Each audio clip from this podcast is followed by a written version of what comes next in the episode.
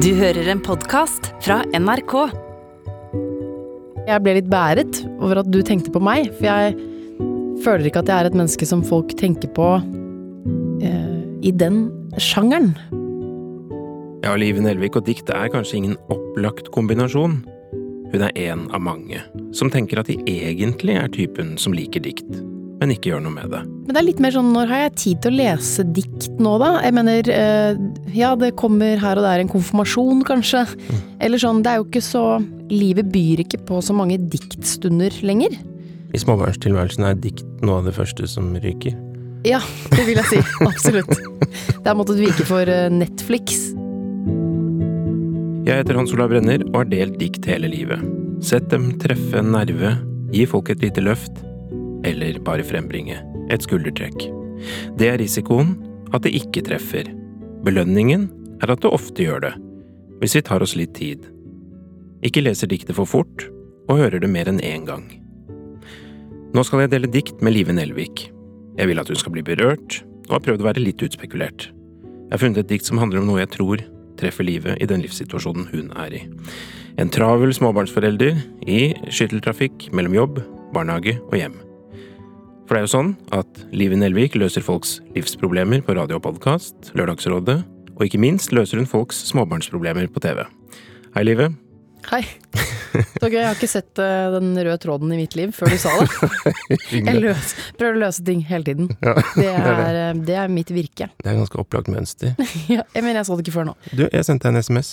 Du sendte meg en SMS hvor det, st- hvor det sto, eh, fritt etter hukommelsen, hva slags forhold har du til dikt, eller liker du dikt? Ja. Eh, og da ble jeg litt forfjamsa, fordi det er på en måte Eller jeg ble litt bæret over at du tenkte på meg, for jeg føler ikke at jeg er et menneske som folk tenker på eh, i den sjangeren, på en måte. Nei, så du ble litt overrasket. For jeg tenkte, jeg tror til og med jeg skrev glad i dikt. Liksom Jeg er glad i dikt. Ja. Du svarte Eh, fort. Ja, for jeg måtte øh, Jeg tenkte meg litt om, da. Jeg svarte fort. jeg kjente sånn ja. Jo, men jeg kan like dikt, og så landet jeg vel på at jeg bare har ikke Det kan bevege meg veldig. Ja, det var det du skrev, skjønner du. Ja. Og det trigget jo meg veldig, akkurat den formuleringen der. Ja. Du liker ikke så veldig mange dikt, men hvis det først treffer, så kan det bli nærmest voldsomt beveget. Ingenting er jo som et vakkert dikt.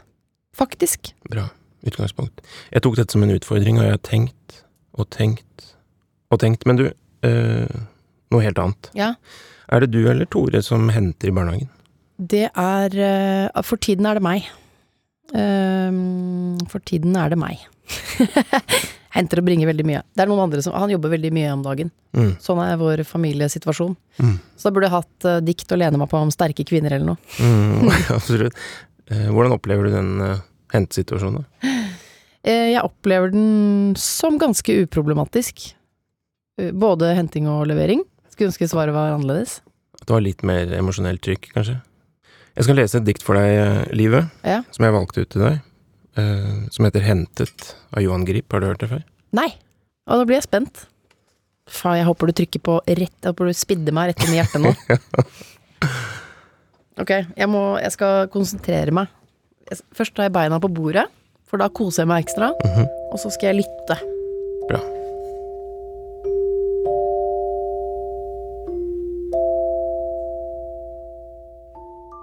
Hentet. Barn har en egen måte å bruke språket på. I barnehagen der sønnen min går, blir de for eksempel henta. Sunniva, du er henta, roper de, når for eksempel Sunniva blir hentet. Og Sunniva slipper det hun har i hendene, løper hvinende nedover skråningen, rett i armene på den som står ved porten og er kommet for å hente. Når eh, også jeg en gang får øye på at noen står i porten og skal hente meg, da håper jeg at det vil skje nøyaktig slik.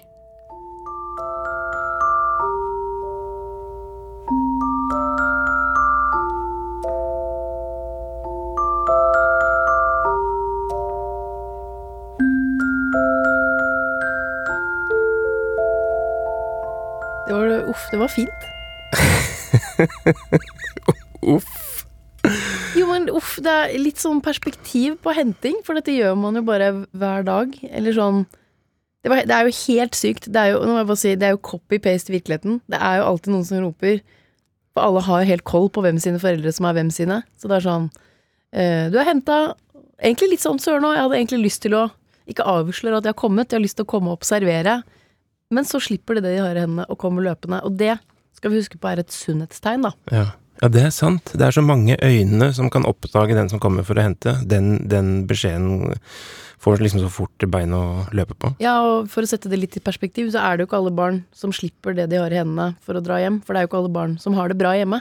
Tenk at det er et menneske som kaster det de har i hendene for å løpe mot deg. Altså, dette er jo veldig sånn målgruppemessig rett på meg selv, men så har jeg tenkt på Jeg ble glad i dette diktet, eh, og har lest det med jevn mellomrom siden, da, men eh, da det kom i 2003, i en diktsamling av Johan Grip som het Enkle dikt, og så har jeg lurt på hvorfor det appellerte så voldsomt til meg da, lenge før eh, eh, jeg hadde Ja. tenkt tanken på å få barn, da. Uh, og så tenker jeg at det har noe å gjøre med at Nei, men altså, man har jo gått i en barnehage selv. Ja. Og da dukker det opp mye, mye minner, ikke sant, om den derre øh, Det der emosjonelle tomrommet, eller hva man skal si, som man er i i barnehagen. Jeg syns jo ikke det var så gøy å gå i barnehagen. Hvordan hadde du det med det? Jeg hadde det nok ganske bra, ja. Ja. Men jeg kan ha veldig sterke henteminner av mamma. Hun var alltid Hun var alltid veldig fresh. Lukta godt. Um, og så i en periode hadde hun en sånn hvit Mitsubishi, ikke så god på bilmerker, Paero, som var sånn at du kunne ta av taket, og så kunne du også sitte på sånn klappseter. Helt, altså det var sånn stas bil når vi kunne ta tak taket og sitte på klappsetene. Mm. Og så hadde hun Nei, mutter'n var veldig flott. Uh, og det er et sånt sterkt minne, bare at hun lukter godt og ser fi... Eller sånn deilig mamma som Mm. kommer og henter. Klokka to innså jeg i voksen alder. Så jeg bare Hva slags barnehage var det jeg gikk, egentlig? Fordi jeg Du henter Eller sånn jeg, jeg, bak, jeg kan ikke huske at jeg hadde sånn hele dager, eller det var sånn Det var noen timer. Ja. Da var man sånn Å ja, nei, det var sånn husmorbarnehage. Sånn du dumper ungen der sånn mødrene får gjort noe sånn i løpet av dagen, og så kommer de og henter deg. Åh, tenk å innse det etter hvert, hvilke lukrative rammer man har hatt. Å, fy søren. Men øhm, altså for, for meg så var henting veldig annerledes, fordi jeg hadde ofte tegnet en tegning i løpet av dagen av en øh, rød buss, toetasjes buss for eksempel. Og så følte jeg på et sånn veldig stress, fordi det var veldig viktig for meg at mamma så den bussen. Ja. Og så liksom tenkte jeg sånn, hvordan skal jeg øh, få ordnet det sånn at det får vi, for vi er jo egentlig ute nå, den bussen er på utstilling inne, og det var en del sånn logistikkting der som jeg stresset med. og, så, og så enda dypere sett, da, så var det jo leveringen om morgenen var egentlig det verste, syns jeg, fordi at øh, Eller det, det koker ned til ett minne og ett bilde, og det er liksom det øyeblikket jeg innser at hun barnehagetanta utsatt meg for et komplott, for jeg likte ikke å bli levert, sånn at uh, hun fant ut at det var en god løsning, at hun avledet meg, og at mamma da liksom bare hadde forsvunnet i løpet av Mm. De ti minuttene. Så jeg husker det øyeblikket jeg innså det. Og så går du ut, da. eh, Knekt, emosjonelt knekt, og så skal du prøve å bygge opp igjen et slags liv i løpet av dagen. Å ja, der er det noen som holder på med et eller annet i sandkassa. Skal jeg Mm. kaste meg på der? Og der ble det en ledig huske. Sånn. Og så kanskje du får det gøy igjen, ja. etter hvert her i livet. Verdens sørgeligste historie. Hva, jeg spørre, for jeg er med et stykke her, men når jeg også en gang får øye på at noen står i porten og skal hente meg, da håper jeg at det vil skje nøyaktig slik. Ja, det er, det, det, er, det er dit jeg ville ha deg nå, livet. For jeg, jeg vet jo om deg at du er et eh, emosjonelt menneske. Ja. Så- Som har alle liksom sanser og instinkter i behold, Mm. men du har også evnen til å, å liksom holde det på avstand. Og det har du kanskje klart litt med denne slutten, da. Du, den har ikke revet deg over ende foreløpig. Hvordan, hvordan tolker du den slutten? Det var her um... La oss etablere dette her, da. Ja. Det som har skjedd så langt i diktet, er at en eller annen fyr har en betraktning om hva som foregår i en barnehage. ja, Men alt det er greit. Det er dødsfint, liksom. Ja, det, det er fint. Det er Det er kjempefint. gjenkjennelig. Det er bare at jeg er datter av min far og min mor, og akkurat her kommer farsgenen inn. Og pappa er litt sånn enkel.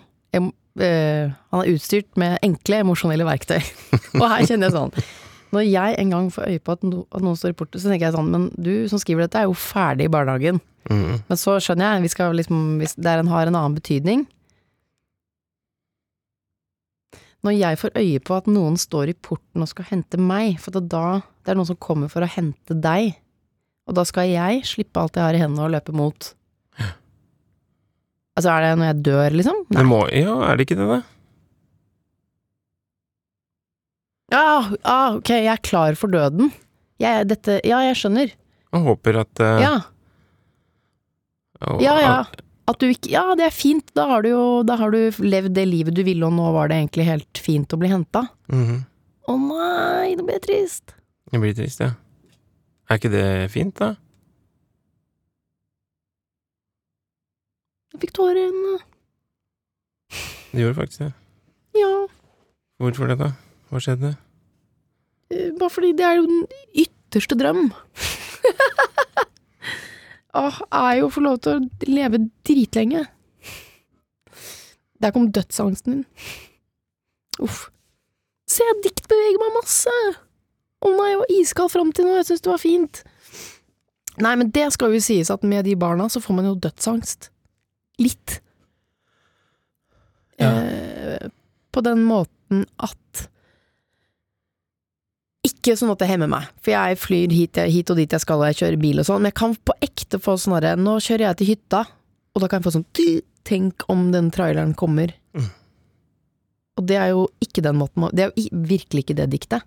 Så det å få lov til å slippe det man har i hendene, da er man sikkert gode Jeg vet ikke hva gjennomsnittsalderen for en kvinne er. Er det 84 eller noe sånt? Sånt. Tre? Fire? To? Nei, da har man fått lov til å holde på lenge, da. Så er man bare sånn åh, nei, men det er helt greit. For en drøm. Altså, jeg liker jo denne slutten veldig godt fordi jeg elsker at dikt på en eller annen måte minner oss om at vi skal dø. Og her kommer det som en sånn eh, punchline. Jeg liker skamløsheten. Selv om jeg blir litt trist, så blir jeg også glad, da. For at eh, diktet utretter akkurat det. Hva blir du glad for? Det er vel litt sånn at jeg vil Jeg vil ha trøst når jeg leser dikt, men jeg vil også gjerne ha en litt sånn eh, Litt sannferdig og brutal påminnelse om hvordan livet henger sammen. Jeg, jeg søker nok Jeg liker dikt mest av den grunn. Jeg er nok ikke trøsten jeg søker, men jeg søker at noen stopper meg og sier sånn Du, nå må du tenke over dette. Eh, og så synker man ned i en følelse eller en, en hverdagslig ting, sånn som å hente.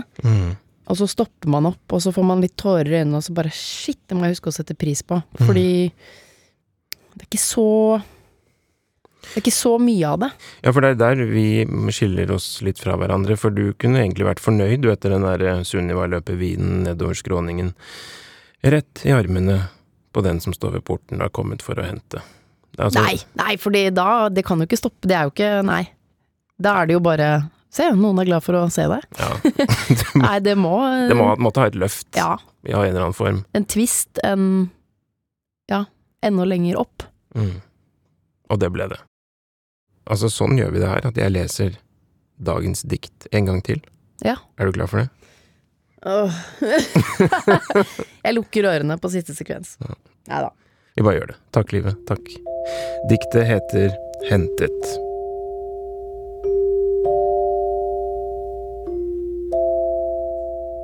Barn har en egen måte å bruke språket på. I barnehagen der sønnen min går, blir de for eksempel henta. Sunniva, du er henta, roper de når for eksempel Sunniva blir hentet, og Sunniva slipper det hun har i hendene, løper hvinende nedover skråningen rett i armene på den som står ved porten og er kommet for å hente. Når eh, også jeg en gang får øye på at noen står i porten og skal hente meg, da håper jeg at det vil skje nøyaktig slik.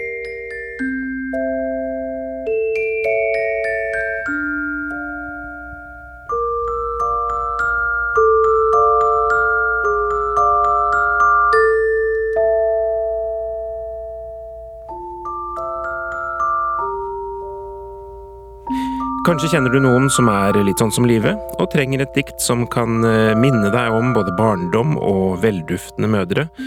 Del gjerne denne episoden av Brenner deler dikt videre. Hvis du har lyst til å høre hva som skjer når jeg pirker borti min egen historie som eh, diktdeler, så kan du høre en ny episode med en gang. Jeg inviterte min gode venn Mattis Herman Nyquist, den jeg har delt aller flest dikt med. Jeg tenkte vi kunne mimre litt, for eksempel om vår felles forkjærlighet for André Bjerkes dikt om vennen Jens Bjørneboe. Og det skulle vise seg at det er et dikt som ganske fort gjør at man tar sine egne vennskap opp til vurdering. Hvorfor eh, rydder du ikke plass?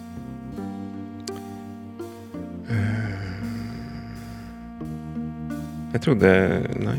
Har du trodd at du s- sitter av tid til mange? Men jeg følte at det er litt mer uh, nyansert enn som så. Fortell.